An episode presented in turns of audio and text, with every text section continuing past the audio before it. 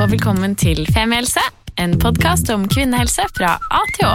Og jeg heter Helene, Og jeg heter Sigrun. og vi har startet denne podkasten fordi vi mener at det bør snakkes mye mer om kvinnehelse. Så la oss snakke.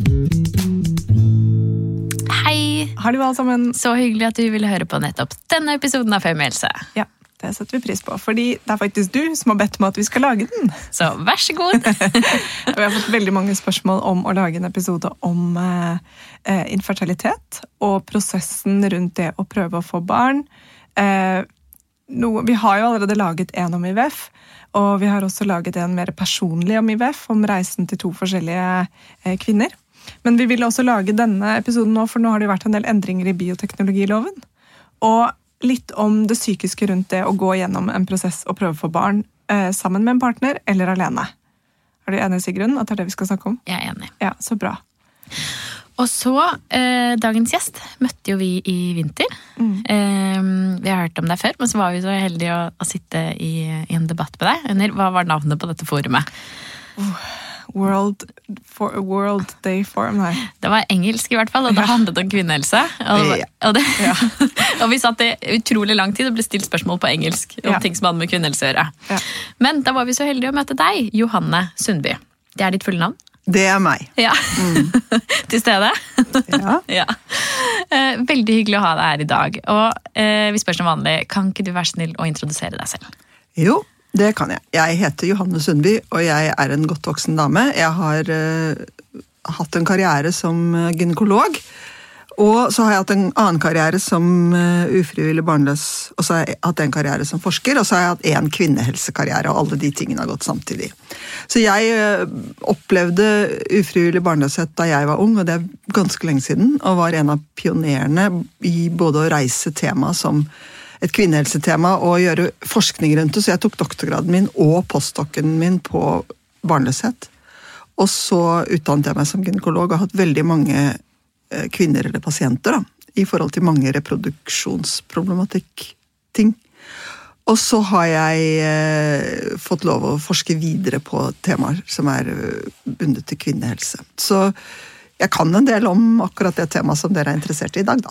Ja, det er, altså, Vi kunne ikke hatt en bedre gjest. Og du er jo også en av, um, Tre? en av de siste eh, professorene på kvinnehelse, hvis det er lov å si det på den måten, fordi stillingene legges jo ned. Ja, altså Jeg ledet en norsk offentlig utredning om kvinnehelse for ca. 20 år siden. og eh, I kjølvannet av det så, så fikk vi ett professorat i kvinnehelse. Og så ble mitt professorat også på en måte et kvinnehelseprofessorat, og så var dette i Bergen. Men eh, årene går, og de tre damene som vi er, da, vi begynner å bli gamle og skal gå av. Og det er ikke sikkert at våre kvinnehelseprofessorater blir videreført. Så det kan hende at det var ti år med kvinnehelseprofessorater og ferdig med det. Eller at noen klarer å sparke opp eh, en interesse for å fornye dem. Det venter jeg på. Og se hva som går. Vi krysser fingrene veldig for det. Hva skal til da? Er det at det må være noen som har lyst til å forske på det, og, og, og selv liksom gå inn i et professorat på det, eller hvordan er det det funker? Det er jo kunnskapsproduksjon og undervisning dette dreier seg om. Og nå skal det lages en ny offentlig utredning om kvinnehelse. Og det er også laget en utredning i Forskningsrådets eh, kvinnenyhetsavdeling som heter Kilden, og de har laget om undervisning i kjønn og helse. Og det er en god del kunnskapshull. Så hvis man hører på den typen eh, problemopplysninger, så burde det fortsatt være professorater i kvinnehelse. Men vi får se. Ja, jeg er enig. 100% Ok, men ehm, hvilken rekke skal vi begynne? Skal vi begynne med hva som har skjedd innenfor bioteknologiloven, og hva, hvordan lovgivningen har endret seg? Det syns jeg er et godt sted å starte. Ja, Har du lyst til å gi oss en oppdatering? Ja, altså Det er jo et interessant spørsmål eh, historisk sett, fordi det handler så veldig mye om hvordan teknologiutvikling og normative føringer og politikk henger sammen. Så normativ, det er mer sånn eh, følelsesmessig? Sånn, ja, sånne ja. regler som ikke er ordentlige regler, men som er sånn som vi tenker at det bør være. Yes. Og da jeg begynte med prøverørsforskning og prøverørsbehandling, begge deler på en gang, så eh, var det jo veldig klart at de ikke ville gi prøverørsbehandling til annet enn gifte par. Og det er jo eh, en innsnevring av muligheten til å få barn for de som har barnløshetsproblemer. Fordi det er helt lov å, få, å være enslig mor hvis man eh, gjør det på egen hånd. Men det skal ikke være lov å være enslig mor med bruk av bioteknologi. Og der kan man jo si at det har endret seg veldig mye. Så i forhold til bioteknologilovene så er det jo først og fremst hvem som skal få lov å ha tilgang på teknologiske nyvinninger og behandling som har forandret seg. Så har det jo også kommet eh, en del nye teknologiske løsninger på barnløshet som på mange måter har gjort at eh, lovgivningen må løpe etter teknologien. For eh, de viktigste problemstillingene har jo vært eggcellens status og sædcellens status, om de er likestilte eller om det er forskjell på å være eggcelle eller sædcelle i forhold til reproduksjonsteknologi. Og så er det selve det befruktede egget, altså embryoet. Om det å være et befruktet egg og det å være et ubefruktet egg er forskjellig. Og så er det dette med tidsaksen, altså om man skal bruke eggene og de befruktede eggene der og da, eller om det er lov å fryse dem ned og bruke dem senere. Og så har det også vært spørsmål om eierskap. Altså har du lov å bruke eh, egg og sæd som kommer fra andre enn deg sjøl? Eh, det som kalles donorsituasjon. Og hvis, i verste fall så kalles det også surrogati. Men det, det, surrogati er da ikke lov i Norge. Men eh, det, det med eierskap til egg og sæd, og hvem som kan få lov å bruke andres egg, er fremdeles diskutert. Eh, og det er vel der vi har kanskje har kommet lengst i det siste nå, at man, at man har åpnet litt opp for at det skal være lov å donere egg. da. Hvem kan få donert, et, altså hvem, hvem kan få donert egg? Det er jo to typer kvinner som trenger å få donert egg hvis de vil bli gravide. og Det ene er de som er født uten eggproduksjon. De som har en genetisk tilstand som gjør at de rett og slett ikke lager egg selv. Og De, jo, de er jo kvinner på alle mulige andre måter, de, de, og de kan bære frem barn, men de kan ikke lage egg. Og de trenger eggdonasjon for å få barn.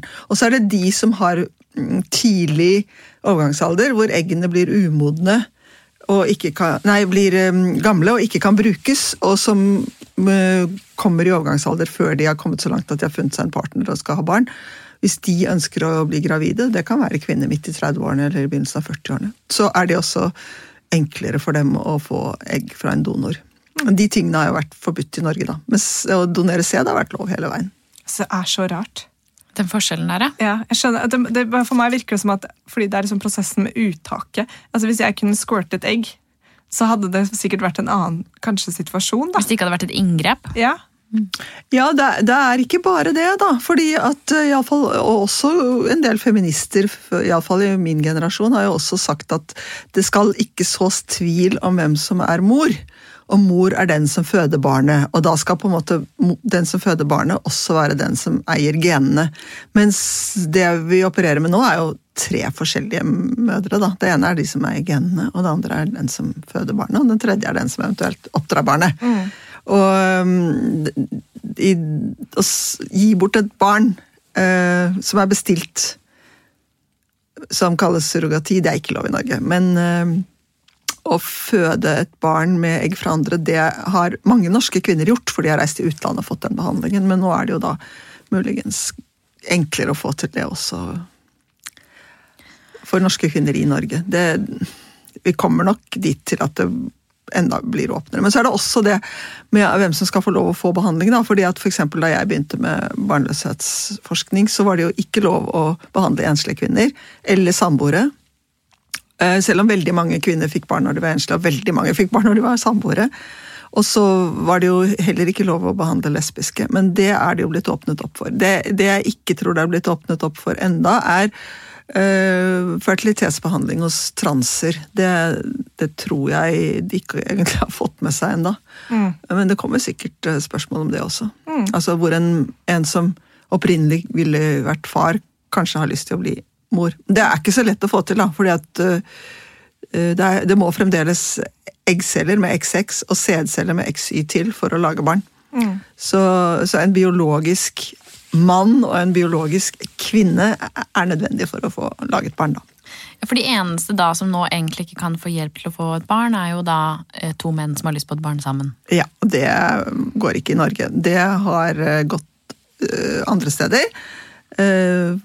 Men det må jo da alltid skje ved hjelp av surrogati. Så de mennene i Norge som ønsker seg barn sammen, de må da eh, gå til land hvor det er lov med surrogati, og så må de donere sæden sin til den surrogatkvinnen, og så blir de da biologiske fedre og kan få det barnet. Iallfall den ene av dem, da.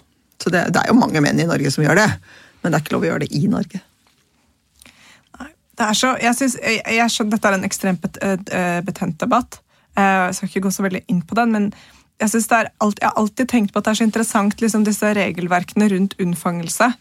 Men når det kommer til det å faktisk ha barn, så er det kreti og pleti som har det. Det er så mange rare sammensetninger av familier. Det er bra foreldre, det er dårlige foreldre, det er alle som er et sted midt imellom. Og alle, mange prøver sitt beste, mange prøver ikke sitt beste. Det er, men allikevel, den unnfangelsen så prøver liksom å regulere det på en eller annen måte. Men ja, så blir det som det blir, da. Jeg vet ikke, jeg synes det hele er et sånn komplekst og stort tema, men fall, jeg ble veldig glad da jeg hørte at bioteknologiloven åpnet opp. Jeg, jeg er for det, men det er meg. Altså. Men adopsjonsloven er jo også blitt endret litt, da. Mm. Fordi den gang, første gangen jeg Jeg skjønte jo at ikke det kom til å bli biologisk barn på meg, og da hadde jeg lyst til å adoptere. Og da uh, søkte jeg om det, og fikk avslag. Og jeg var godt egnet som adoptivmor, og jeg var jo allerede eh, stemor og senere adoptivmor til en gutt som var uh, sønnen til min mann. og, og hans biologiske mor var død, så det var jo bare meg og han. på en måte. Men, men da fikk jeg vite at uh, siden jeg var enslig, og jeg hadde blitt skilt, så siden jeg var enslig, så kunne jeg ikke adoptere. Men siden jeg var lege, så kunne jeg adoptere et barn med funksjonshemming.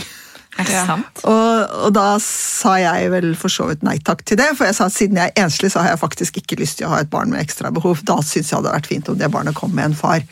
Um, så det, det, endte opp med at jeg ikke gjorde det, da. Men så har jo reglene blitt endret slik at nå kan jo både enslige adoptere og um, Ja, og det er blitt litt lemping på aldersgrensene. Jeg tror lesbiske også kan adoptere. Jeg er ikke helt sikker på. Det tror jeg er veldig forskjellig fra land til land og ja. fra prosess til prosess. Og det. og, det. endrer seg hele tiden, og, og det, det, er mange år med kø. Og, ja. Så, så, det er blitt veldig vanskelig å adoptere, for det er nesten ingen land som adopterer bort barn lenger. Mm. Og i Norge er det også ganske vanskelig. Det er jo ikke så mye adopsjon i Norge, er det det? Man, det er litt. Man driver litt. veldig mye med fosterbarn? Ja, men det er litt. Det er noen eh, barn som fødes inn i situasjoner hvor de ikke kan vokse opp sine, hos sine biologiske foreldre, som blir adoptert bort allerede fra fødselen Men det er ikke, ikke veldig mange. Mm. Så mulighetene, da. La oss si at, eh, at jeg er da singel og 35, som jeg jo er. Eh, mulighetene for meg hvis jeg hadde bestemt meg i morgen i Norge for at jeg har lyst til å bli, til å bli gravid og bære fram et barn, og jeg vil ikke gå på byen og fikse det der. Mm -hmm. Da kan jeg Én, eh, så kan jeg få donasjon. Mm -hmm spermdonasjon. Mm -hmm. Men hvis det da viser seg at jeg ikke hadde hatt egne gode egg, kunne jeg også fått eggdonasjon nå? Det har vel ikke vært slik at de har vært fullt åpne for kombinasjon av behandlinger. Så jeg ville prøvd ut saken min. Mm.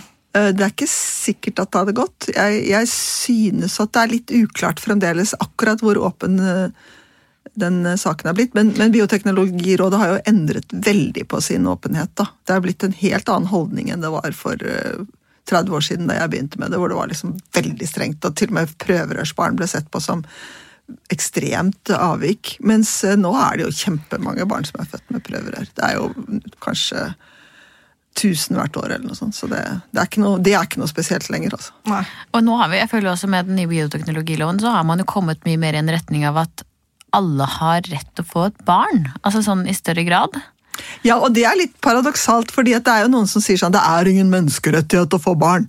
Men det er å bruke menneskerettighetene veldig feil, fordi menneskerettighetene er positive rettigheter. Det er en stadfestelse av hva du faktisk har rett til.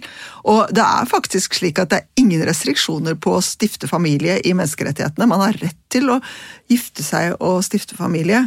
Sånn at eh, egentlig så bør man, bør man, snakke om behandling for barnløshet og ta det helt ut av menneskerettighetene og si at i Norge så er det slik at man har faktisk tilgang på behandling for barnløshet fordi det ses på som en funksjonshemming eller en sykdom som trenger medisinsk behandling, og det er til og med eh, sånne tall i folketrygdloven som sier at du har rett til kompensasjon. Altså Det koster ikke så veldig mye.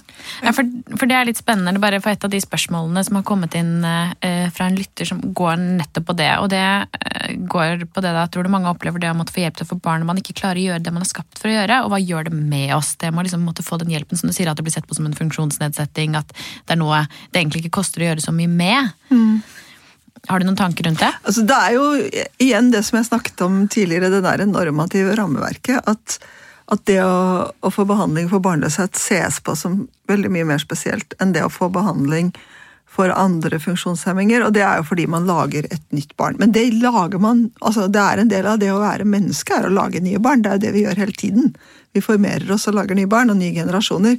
Det er ikke så veldig spesielt det, de aller fleste som bor sammen eller gifter seg, prøver jo på det. Det er noen få som ikke gjør det, men, men, det er veldig vanlig. Og det er veldig vanlig å lage familie, og det er veldig vanlig å tilhøre en familie, og det høres veldig med i den sosiale settingen vi lever i i Norge, er å være mor, far, barn og følge barna på skolen og ha barneselskap på 17. mai og gjøre ting som handler om barn. Så, så Men i takt med at eh, lovene har endret seg, da, og vi har blitt mer åpne og fleksible på hvordan man kan starte familie, føler du også at holdningene mot det å få hjelp til å få barn har endret seg?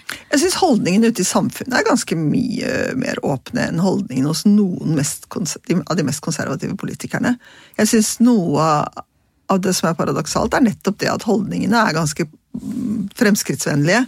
Og at folk sier at ja, men kjære vene, det må da kunne gå an liksom, å gjøre det eller det eller det. Mens, mens, det er strammet veldig inn da, hos noen. For det, det, er det jeg tenker på, at det virker som at det er en sånn Når, når man snakker om det, dette, så og, og, det kommer denne konservative liksom, tankesettet inn, så føler jeg ofte at det handler om alle andre. Altså at man skal liksom, Alle over en kam, men hvis det var du selv som var barnløs og ikke ville være det, eller søsteren din som, som hadde giftet seg med en annen kvinne og, og, hadde lyst på barn, så hadde kanskje holdningene endret seg. Jeg føler, jeg har en følelse av at de politikerne som er superkonservative, har en lite liksom, personlig erfaring med det. Her kanskje jeg tråkker feil, men det, bare, det virker så lite sånn ned på det personlige. Men jeg tror du har helt rett i det, fordi da, jeg, da, vi jobbet med lovgivningene tidligere, så, så var det nettopp noen politikere som hadde venninner eller søstre eller eh, noen i, i kollegaflokken sin som hadde barnløshetsproblemer, som skjønte at her må noe gjøres, og som faktisk dro en del av de diskusjonene lenger ut. Og det er veldig sjelden at de barnløse selv har turt å gjøre det. Og så er det veldig sjelden at de som lever veldig sånne fromme liv, hvor de gifter seg først og får barn etterpå og får fem barn og aldri har noen problemer, at de, liksom, de, de er de første til å si at sånn Ja, men det er så egoistisk at disse barnløse kvinnene ønsker seg barn. Men altså, det er jo faktisk noe alle ønsker seg, nesten. Ja, så å kalle det egoistisk blir veldig dumt.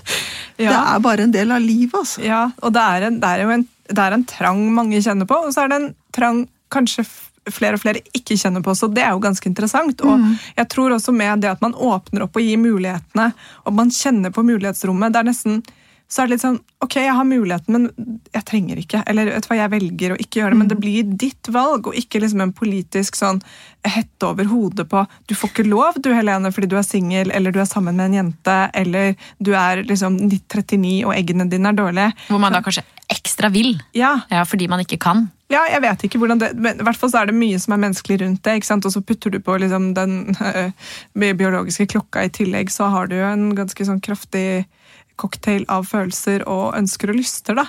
Og jeg tror, ja, For meg så føles det i hvert fall Jeg ble veldig glad um, Kan dele det da da jeg sto liksom midt oppi uh, å gå fra uh, samboeren min, så tikker det inn en sånn notification fra VG. Bioteknologiloven endres, eggdonasjon blir lov. Og så holder da Eh, da han jeg bor sammen med, opp den mobilen og sier han, se, det løser seg for deg også. og så lo vi godt av det. Men det var liksom nesten liksom fin timing for meg. da, At jeg bare ja ja, ok, da senke skuldrene og trekke pusten. og... Et ding fra oven? Ja, en notification fra Gaia. Mm. Nå er det jo sånn at når man først får et barn, uansett åssen det er blitt til, så blir man jo ganske opptatt av og glad i det barnet. Sånn at hele den der, all den støyen rundt teknologien og donor og alle sånne ting, den legges liksom litt sånn bak en. Når barnet er der, så er det nattevåk og barnehageplass og sånn som teller. da. Det var veldig fint sagt. Jeg er helt enig. Dette ser man jo. Altså det, det, er jo selvsagt, ikke sant? Så det blir en veldig sånn klinisk debatt som kan oppleves sikkert veldig sånn tyngende og sårende for mange. Og uansett hvilken konstellasjon man er i og hvordan man har lyst til å leve livet sitt, men hvis det ender opp med at man faktisk får et barn, så er det jo da er det gjort, da. Da er det det barnet det handler om. ikke sant? Men noen av de eh, styggeste angrepene på alternativene ser jeg fra kvinner som har født barn uten problemer. og som Jeg har adoptert da, en gutt, og han har jeg hatt hos meg siden jeg var liten. Han var sønnen til mannen min, og mannen min var enkemann. Og så sier de men du vet ikke egentlig hva det er å være mor. Så sier jeg jeg vet ikke egentlig hva det er å føde, selv om jeg har vært med på hundrevis av fødsler. For jeg har ikke gjort det selv. Men det jeg gjør, føles som å være mor.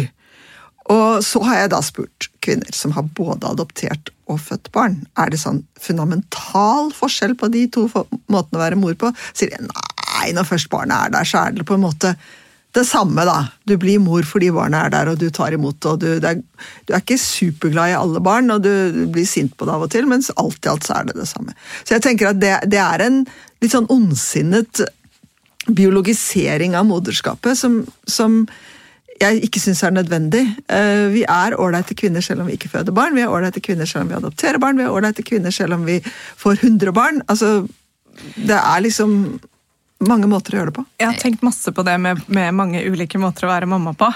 Og jeg leste en veldig fin artikkel som, som jeg syntes var så søt, for hun gikk veldig inn på liksom det med eh, som, hadde, som ikke kunne få barn, og det tror jeg landet litt i at det ikke ble barn på henne. Og da, Hun dro den så langt at hun bare Men du kan bestemme deg for å være mor for jorda. Du kan bestemme deg for å være mor for trær. Du kan bestemme deg for å finne liksom, hvor vil du plassere liksom, omsorgen din. Og jeg synes jo den var liksom, Men det er en sånn søt tanke at man kan være mamma på så mange forskjellige måter. Man kan være en god bonusmor, eller du kan være en god tante, eller du kan være en som stiller ekstra opp for noen.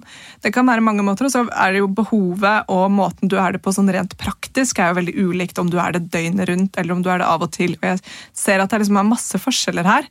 Men jeg skjønner ikke hvorfor det, den, der, ja, den klassifiseringen eller sånn 'du er så mye mamma' eller 'du er så mye mamma'. så bare For noen så kan du være det viktigste mennesket allikevel i hele verden, selv om du ikke er mammaen eh, som har født dette mennesket ut. da. Og jeg, jeg tenker, ja, Det var bare det jeg ville si. Det er fint. Jeg hadde to ting jeg har lyst til å si. Nå skal jeg si det høyt, sånn at jeg ikke glemmer det. Ja.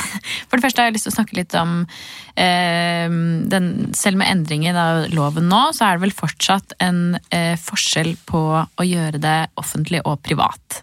For det er vel, nå er det, Dette er over til noe helt annet, men det er jo fortsatt litt viktig, tenker jeg, hvor det fortsatt blir litt sånn at de med mest ressurser fort, eh, fort vinner, fordi at selv om man får offentlig hjelp nå, så tar, kan det fort ta veldig lang tid. kan det ikke det? Som igjen gjør at veldig mange, selv om de i dag får offentlig hjelp, velger å gjøre det privat.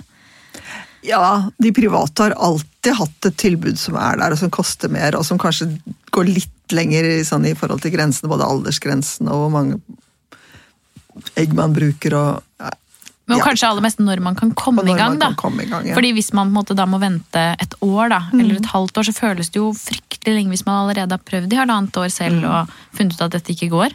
Og i, i India for eksempel, så sier de at infertility is the breadbasket of the gynecologist. Altså der kan de tjene penger.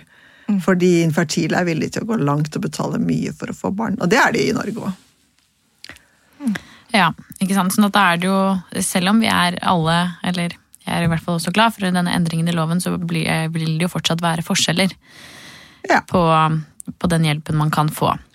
Eh, og så er det dette som var egentlig utgangspunktet for denne episoden. Dere var litt inne på det i stad, men eh, hun skrev selv at hun eh, syns eh, Når man er en som står midt oppi denne prosessen, da, så kan det fort bli eh, litt frustrerende når de som har fått dette barnet, og vært gjennom en kanskje strevsom prosess, sier sånn Ja, men nå er barnet her, det går bra. Og så glemmer man egentlig litt hele prosessen, og snakker ikke så mye om den, kanskje. Eh, glemme litt altså, hvor tøft det var, hvor lang tid det tok, eh, hvor, hvilken kamp det har vært å komme dit. da. Eh, og hun selv mente at det eh, liksom i det store og hele egentlig bidro til at veldig mange som har kommet i mål, ikke eh, er med på å kjempe saken videre på en eller annen måte, og at det fortsatt ble ganske tabubelagt, da, fordi at diskusjonen på en måte stopper når barna er der.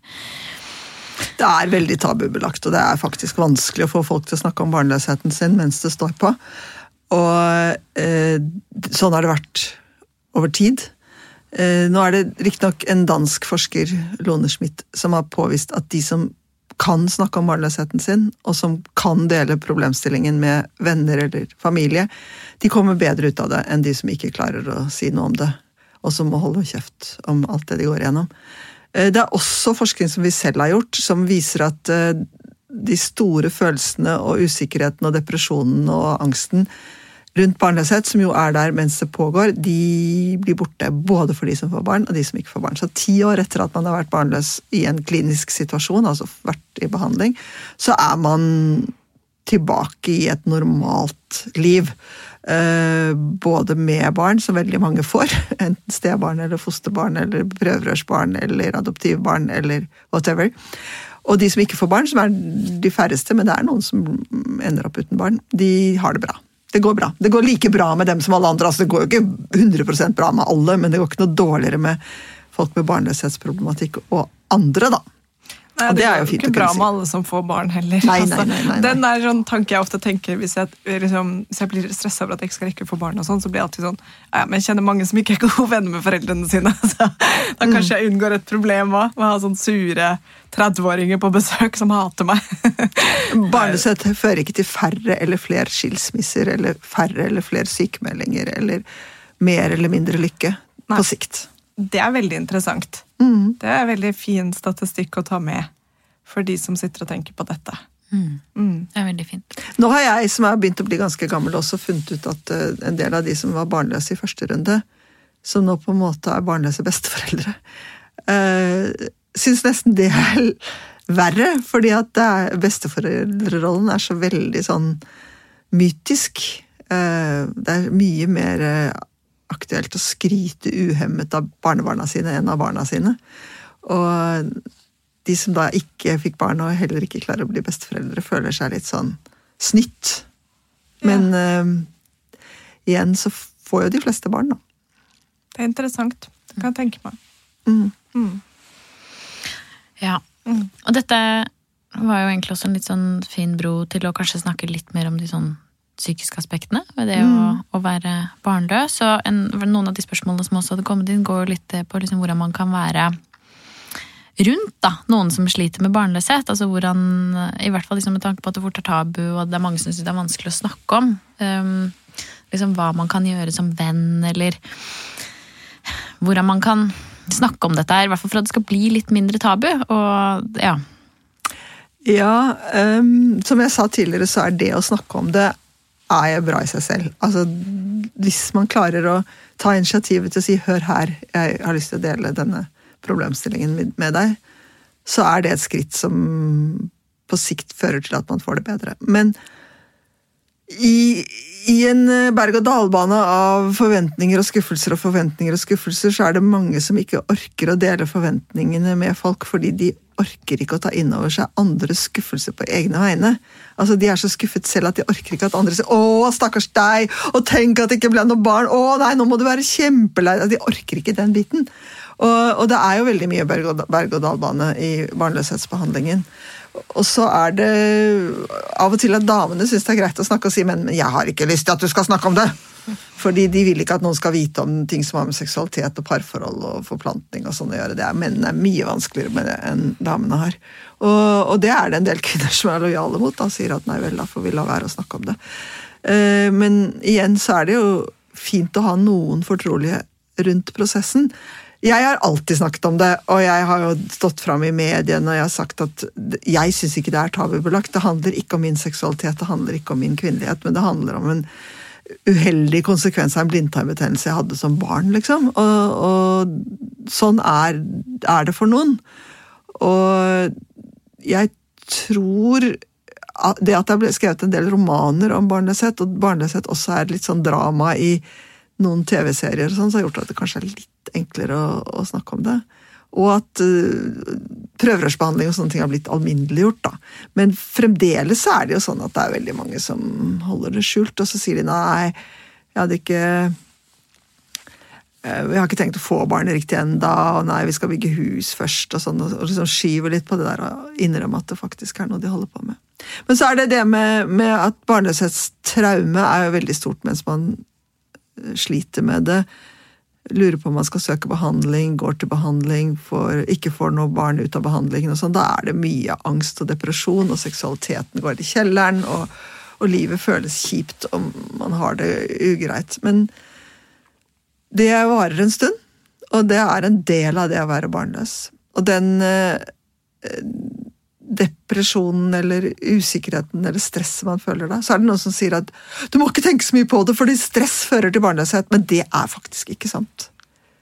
Folk får barn selv om det er krig og de er på flukt og verden går under. Altså Stress fører ikke til barnløshet. Barnløshet fører til stress. Og derfor så hjelper det ikke med alle de der eh, underlige rådene som barnløse kvinner får av venninnene sine om å stresse ned og slutte å tenke på det, eller begynne på en ny jobb, eller slutte i en annen jobb, eller eh, begynne å få seg en hund, eller begynne å jogge, eller slutte å jogge. Altså, det, det er faktisk ikke der nøkkelen til barn ligger. Eh, du kan være så deprimert du bare vil, og du kan bli gravid likevel. Og det tror jeg er viktig for barnløse hvis de deler barnløsheten sin med venner, så får de ofte veldig rare råd. Og noen av de rådene slår jo hverandre helt i hjel. Og man skal egentlig kanskje ikke høre så skrekkelig mye på alle disse alternative tingene, men heller snakke med legen sin og få en ordentlig utredning og behandling. For det er jo faktisk det som virker, da. Jeg pleier å fortelle historien om da jeg gikk til prøverørsbehandling, og så fikk jeg lov å gå til en dame med, som drev med akupunktur, og jeg drev med akupunktur, og jeg kjente det stakk i kroppen og pirket i underliv, og jeg følte meg opp og jeg følte meg ned, og det var så spennende med akupunkturen. Og så gikk jeg til prøverørsklinikken, og så ble jeg ikke gravid. Mm. så, og alle forventer at jeg skal si at det hjalp, liksom. Men det gjorde det ikke. For meg så hjalp ikke akupunktur heller. Mm. Nei, og Der har vi jo hatt Anne Marte Vårlund inne på episoden om IVF. og Hun var litt sånn, hun sa sånn prøv det du vil prøve, så lenge du ikke blir helt blakk av det og det ikke skader deg. Mm. Men det er, ikke, det er, ikke, nødvendig at en løsning som du har hørt om en eller annen venninne av en venninne funker, det kanskje ikke funker for deg. Så liksom, det er noe med å ikke ha de der som du, ja, de enormt høye forhåpningene til alle de alternative tingene også. Og det kan funke for noen, men ikke nødvendigvis for deg. Så er det faktisk en del som kommer ut av infertilitetsbehandling uten barn. Og det selv om det er mer og mer vellykkede behandlinger eh, opp gjennom historien, så er det ikke slik at 100% blir gravide. Nei. 70, kanskje. 70 mm. Nei, er, og jeg tror det der med tabu og uh, å dele og snakke om det, det, Jeg skjønner veldig godt, fordi uh, vi spilte inn en episode som nettopp det med å spørre folk har du tenkt å få barn. Da snakket vi mye om det at også når man er oppi, midt oppi kanskje en prøverørsprosess, og man er full av hormoner og skuffelser og angst og, og glede og skuffelse og glede. Og så er det kanskje ikke alltid da du har lyst til å få liksom, hvordan går det med prosessen, eller at liksom, og, og, tid og sted og setting. Når får du spørsmålet? Får du spørsmålet liksom, når du er alene med en god venninne, eller får du det liksom, med kaffeautomaten på jobben? Det er det er så sårt, da. Men også så sa jo hun da vi snakket sammen, og det tror jeg veldig mange opplever, at hvis man er åpen om det, så får du andres historie tilbake. Som da den forskningen kanskje viser til at det er lettere å cope med det, fordi du får høre om at andre, mm. mange andre også har disse problemene, om det er én eller to eller tre spontanaborter eller IVF-forsøk eller ja, vi prøvde i tre år, eller ikke sant, At man kanskje ikke føler seg så alene, da. Så det der å finne kanskje noen sånne gode samtalepartnere, både for eh, mamma, pappa, medmor, medpappa, whatever, hvem man er, hvilken konstellasjon er man finner noen som man kan dele og være helt åpne med, tror jeg er kjempelurt. ass. Og så er det det med sosial isolasjon, for veldig mye av våre sosiale relasjoner handler jo om dette som jeg sa i sted, med familien. Og de som har barn, har jo veldig mye av sitt sosiale liv knyttet til andre familier med barn, og de drar på ferie med andre familier med barn, og de feirer 17. mai med andre familier med barn. og, og, de snakker masse om barna sine, og de tar bilder av barna sine, og de sender julekort med barna sine på, og liksom feirer bursdager, og er, bursdager er jo blitt noe helt vanvittig store greier for barna. Stakkars barn som får så mye bursdager. Og eh, det er jo da settinger hvor de barnløse kommer til kort, og hvor de blir glemt, og de, de, kan ikke dele den typen erfaringer. Og så får de da høre 'Å, du er så heldig, du, for du slipper det med barn, for du kan reise på interrail til India i tre måneder', liksom. Det kan ikke vi. Mens det er egentlig ikke altså, Interrail til India i tre måneder er noe man gjør fordi man eh, må jo gjøre noe med tiden sin, og man ønsker seg kanskje aller mest barn. Eh, så, så den friheten er jo en frihet med litt sånn bitter ettersmak, da. Definitivt. For en del. Og, jeg, og jeg, jeg er jo 35, da, som sagt, og alle mine venninner så å si nå har barn. Og, og jeg kjenner meg jo igjen i den ensomheten å være utenfor samtaler, og sånn, man snakker masse om innkjøring i barnehage eller sånne ting. og bare sånn, ja, nei, det kan ikke være så veldig med i den samtalen. Og jeg, og, og jeg, kan, jeg må liksom passe meg for å ikke bli liksom bitter og irritert. øh, øh, samtidig som at jeg har lyst til å høre om barna til venninnene mine. Men, Så det er sånn balansegang, da. Men, men jeg hørte, eller jeg leste um, en fin artikkel som var i eh, Europe Women, er det den heter? Ja, uansett. Det, var, det handlet om eh, moderrollen. Og, og hvor da eh, hun Det var en jente som hadde sterilisert seg i en alder av 22. Og eh, tatt det grepet. Hun hadde bare bestemt for jeg skal aldri ha barn, og jeg må ta det valget nå. for Hvis jeg, tar, hvis jeg venter, så kommer jeg til å bli presset til det av en partner eller av meg selv til å få barn. Så jeg må ta valget nå. Og nå var hun oppe i 30-årene og angret fortsatt ikke. Men det hun sa, var at hun hadde liksom eh, skrevet mye, tenkt mye, reflektert veldig mye over dette. Og hun skrev på en veldig fin måte. Hun skrev sånn Jeg må bare innfinne meg med at 30 og opp litt i 40-årene blir litt ensommere år for meg, hvor jeg må ha andre planer og legge liksom andre rutiner, kanskje ha yngre venner eller eldre venner, eller dra mer på interrail i India. Det var liksom henne sånn og sånn er det litt, da. Det var henne sånn klare sånn det, det er jeg forberedt på. Men så etter det, etter de ti årene, ikke sant? eller etter den perioden, småbarnsfasen til de rundt deg er over, så er man litt mer i synk igjen. ikke sant? Jeg synes det også var en sånn fin take på det. sånn, Ok, da er det noen år i mitt liv hvor jeg må gjøre noe annet. Og hun var innstilt på det. Ja, og øh, det er morsomt. da. For jeg for eksempel har jo da valgt å drive med langdistanse hundekjøring og har skaffet meg tolv trekkhunder. Og det er ikke sånn at folk spør er ikke det mye styr der. Jo, det er dritmye styr, men det er ganske morsomt. Og det gir meg veldig mye muligheter for omsorg. Og det er, jeg kunne ikke gjort det hvis jeg hadde barn. Sånn at det er på en måte å finne en sånn der plattform som gjør at du føler at livet ditt er veldig fullt og veldig spennende, selv om du ikke lever i den helt vanlige rollen. Men en av de tingene som det er en utfordring på, det er jo parforholdet.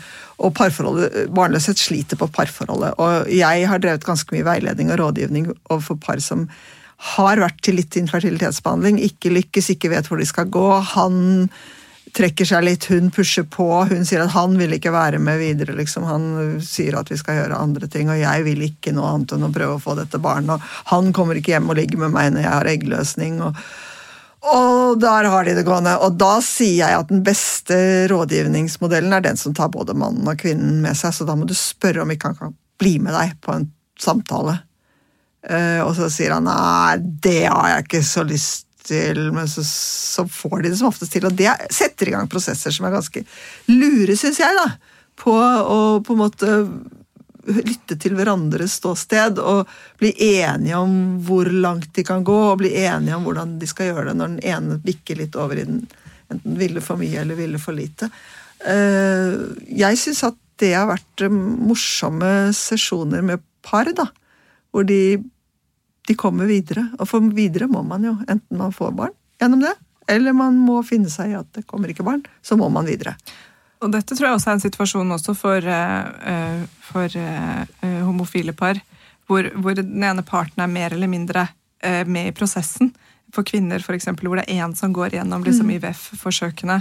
eh, og den, at, at liksom det der å være sammen i, i prosessen hele veien tror jeg kan selvfølgelig være kjempelurt. Men dette er jo interessant da, at barnløshet sliter veldig på parforhold, og småbarn sliter veldig på parforhold. Så kanskje parforhold er litt slitsomt? Er det det vi lander i? Parforhold er slitsomt. Ja, det er veldig fryktelig Men det kan, går an å jobbe med det. Ja. Det er det som er det fine med det. At, det, at, man kan godt komme nærmere hverandre hvis man jobber med det. Og, øh, men jeg, jeg har også opplevd at øh, en, en mann har øh, sagt til meg i en sånn parsesjon at du, jeg turte ikke å si til henne at jeg ikke orker mer og har lyst til å gå fra henne før vi satt her med en tredjeperson, for jeg var redd for hva hun ville gjøre.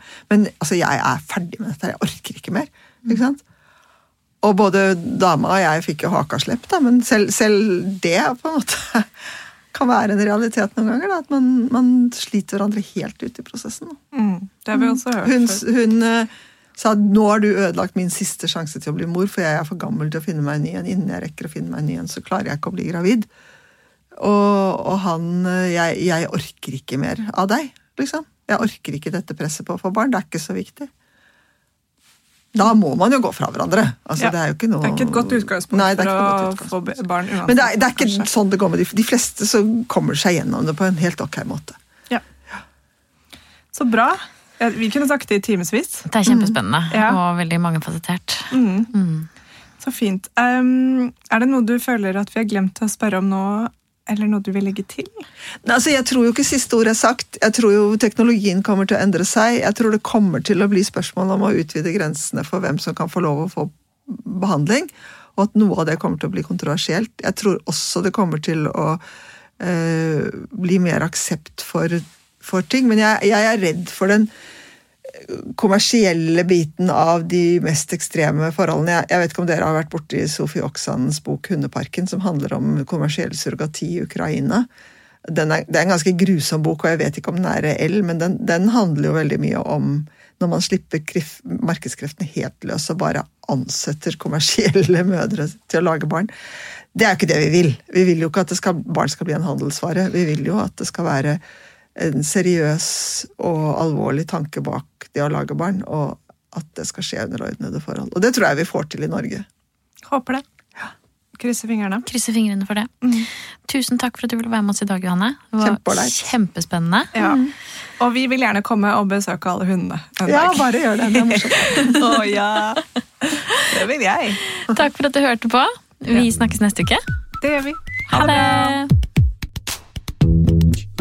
Tusen takk for at du hørte på podkasten vår. Selv om det forhåpentligvis kommer tydelig frem, så vil vi understreke at vi ikke er helsepersonell. Ja, så som vanlig, kontakt legen din om du har noen spørsmål, eller om du skal begynne på noen form for behandling. Og har du et tema som du har lyst til at vi skal snakke om, eller noe ris eller ros, så send oss gjerne en melding på Facebook eller på Instagram. Der finner du oss under Femihelse. Og du kan gjerne rate oss på iTunes, det er skikkelig hyggelig for oss. Ha en fin dag! Ha en kjempefin dag!